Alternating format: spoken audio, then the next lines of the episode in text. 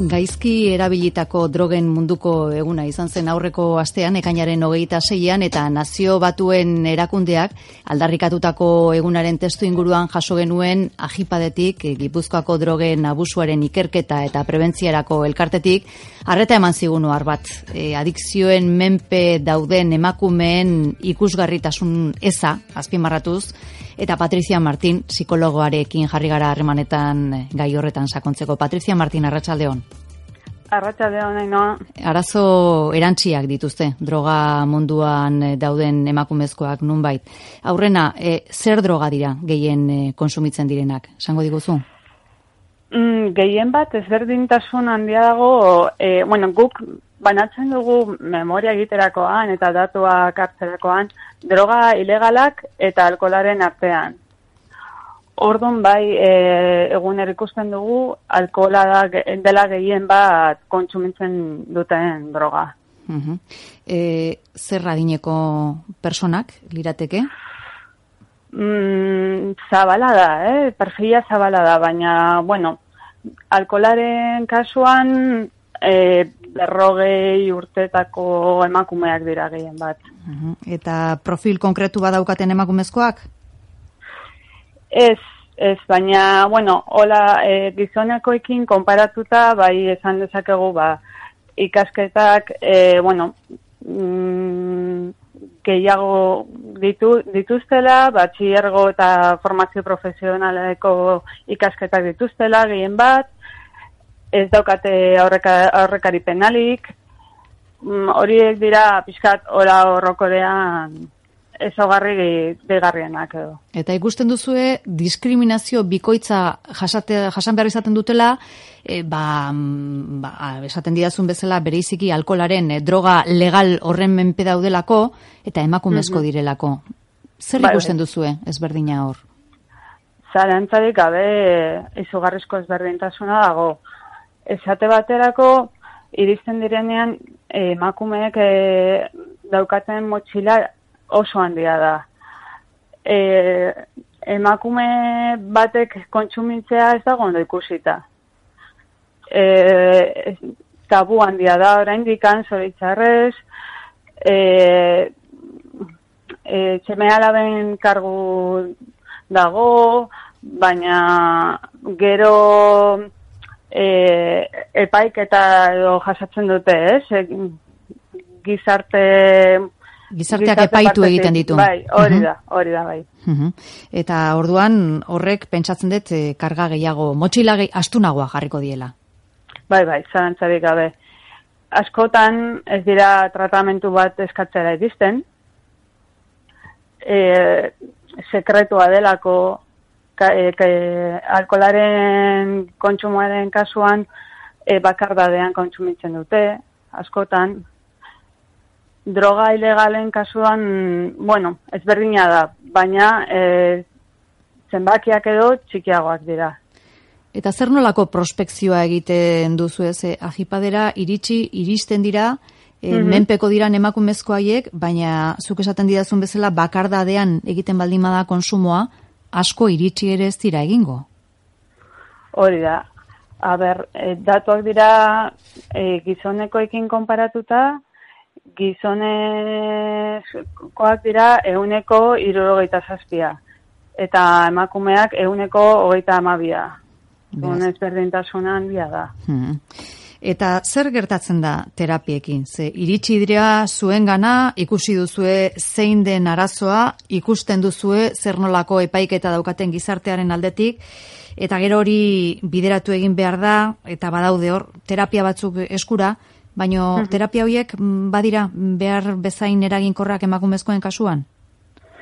Nik uste du baiet, eta gero eta hobeak direla, baina lehenago zorrotzagoak ziren, gero eta malguagoak dira, e, profesionalok e, formakuntza gehiago daukagu, generoari lotutako ezaugarriak detektatzen ditugu eta kontutan hartzen ditugu. Ondorioz, ba, eskuartzea ezberdina da. Uh e, psikofarmakoak izan litezke baita ere menpeko, menpekotasuna sortzen duten beste droga legal batzuk? Bai, bai, eta emakumekin lotuta baita ere. Bai. eta kasu horretan, mm, horko menpekotasuna kentzea, erreza izaten da, horretarako badaude moduak? E, ez dago ezberdintasuna. Azken finean, pertsona da importanteena. Pertsona eta bere inguruan daukana. E, emakumeen kasuan, zein da ezberdintasuna? Adibidez, esate baterako, familiaren laguntza txikiagoa delako, dela. Eta bikotek alde egiten dutela, bakarrik usten dituztela, e, hori, e, gizarte tabu bat dago inguruan, orduan ondorioz ez dute laguntza eskatzen, baina bestela tratamentuak psikofarmako edo alkolaren arteko ezberdintasuna ez dago. Mhm e, adikzioa duten kopurua handi batek uste beste gainkarga batzuk eta beste arazo batzuk ere izaten dituztela eta zuek hor detektatu duzue indarkeria matxistak ere badaukala honetan zer esana?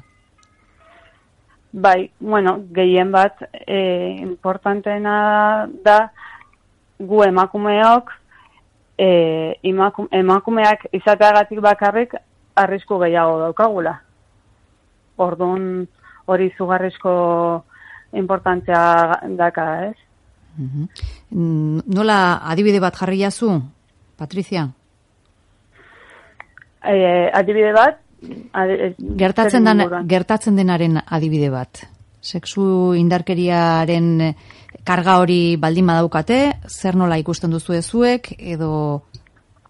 Ba, esate baterako e, bortxaketa bat e, sortatu ondoren, askotan e, galdetzen da. Eta emakumea kontsumitu zuen? Edo mhm. zuen kontsumitu emakumarrek. Orduan, kontsumitu batzun, ja, esaten duena edo salaketa, zalantzan jartzen da, ezta? Mhm. Hori da, adibidez, adibidez, zakit, gogorrena ez. E, kartzela barrutan ere izaten dira kasuak, hor, hor erazoak, e, barkatu arazoak, areagotu egiten dira oraindik ere? Mm, nik uste du baiet, baina, bueno, karo, arazo legalak daudelako, ez?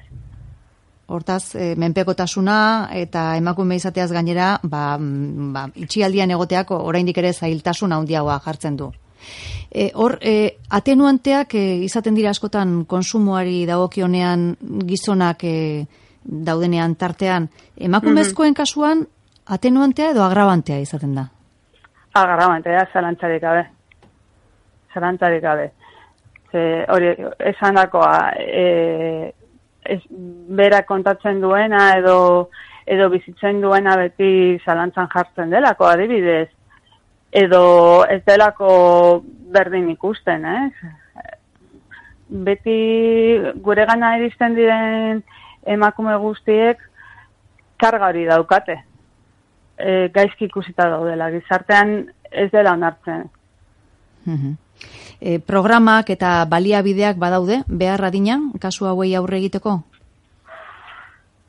Badaude, baina nik uste dut hobetu behar direla. Gehien bat hori, ba, koordinazio lanak hobetzen, malgutasun gehiago dukitzen. E, programak e, berdiseinatu egin beharko lirateke behar bada, ze momentu honetan dauden bezala espalima dute funtzionatzen, Bueno, funtzionatu, nik uste dut funtzionatzen dutela, baina baina hobetu behar dire da, bai, beti bezala. Bueno. Hor, farmazukuntzan ibiltzen zaretenok, eta eta arazoa daukaten personekin eh, elkarlanian ibiltzen zaretenok, eh, ikusten duzue mm, gauzak beste modu batera eginda emaitzako beak izango liratekela? Bai, nik uste du bai, bai. Bai. Zuek agipadetik e, zer nolako gogoetak ateratzen dituzue? Aurrera begira, zuen lana mm, aldatzeko beharra ikusi duzue, martxan martxan zoaztela egiten dituzue aldaketak? Bueno, guk e, 2000 bostetik berdintasun plana martxan daukagu, e, emakunderen laguntzarekin, eta, bueno, ondorioz, ba, berdintasun batzordea sortu zen, formakuntza jasotzen ditugu, tailer ezberdinak sortu ditugu, eta bar, sensibilitatea dago, baina lanean jarraitu behar dugu.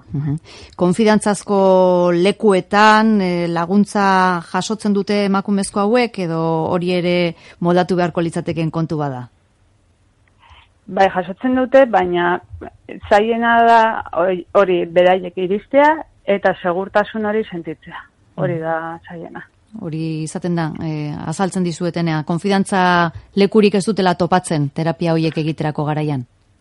Bai, bai, nik uste bai ez. Mm Hortan, eh, egin behar izan duzue lanketa, gauzako beto egiteko, Patrizia?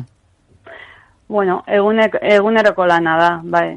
Mm Zabaltzea eta gero hori e, koordinazioak oso ondo egitea, eta, bueno, bai, gizarre zerbitzuekin, medikoekin, eta bar. Mm Zerbait gehiago erantzin nahiko zenuke?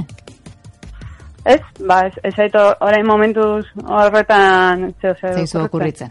Ondo da, mm. ba, Patricia Martin, ajipat de drogen abusuaren ikerketa eta prebentziorako gipuzkako elkartean, lan egiten du psikologo bezala, eta berak azaldu digu, momentu honetan emakumezkoek, e, drogamenpe diren emakumezkoiek, izaten dituzten zailtasun erantziak. Eskerrik asko, Patricia, segi ondo. Eskerrik asko zuere.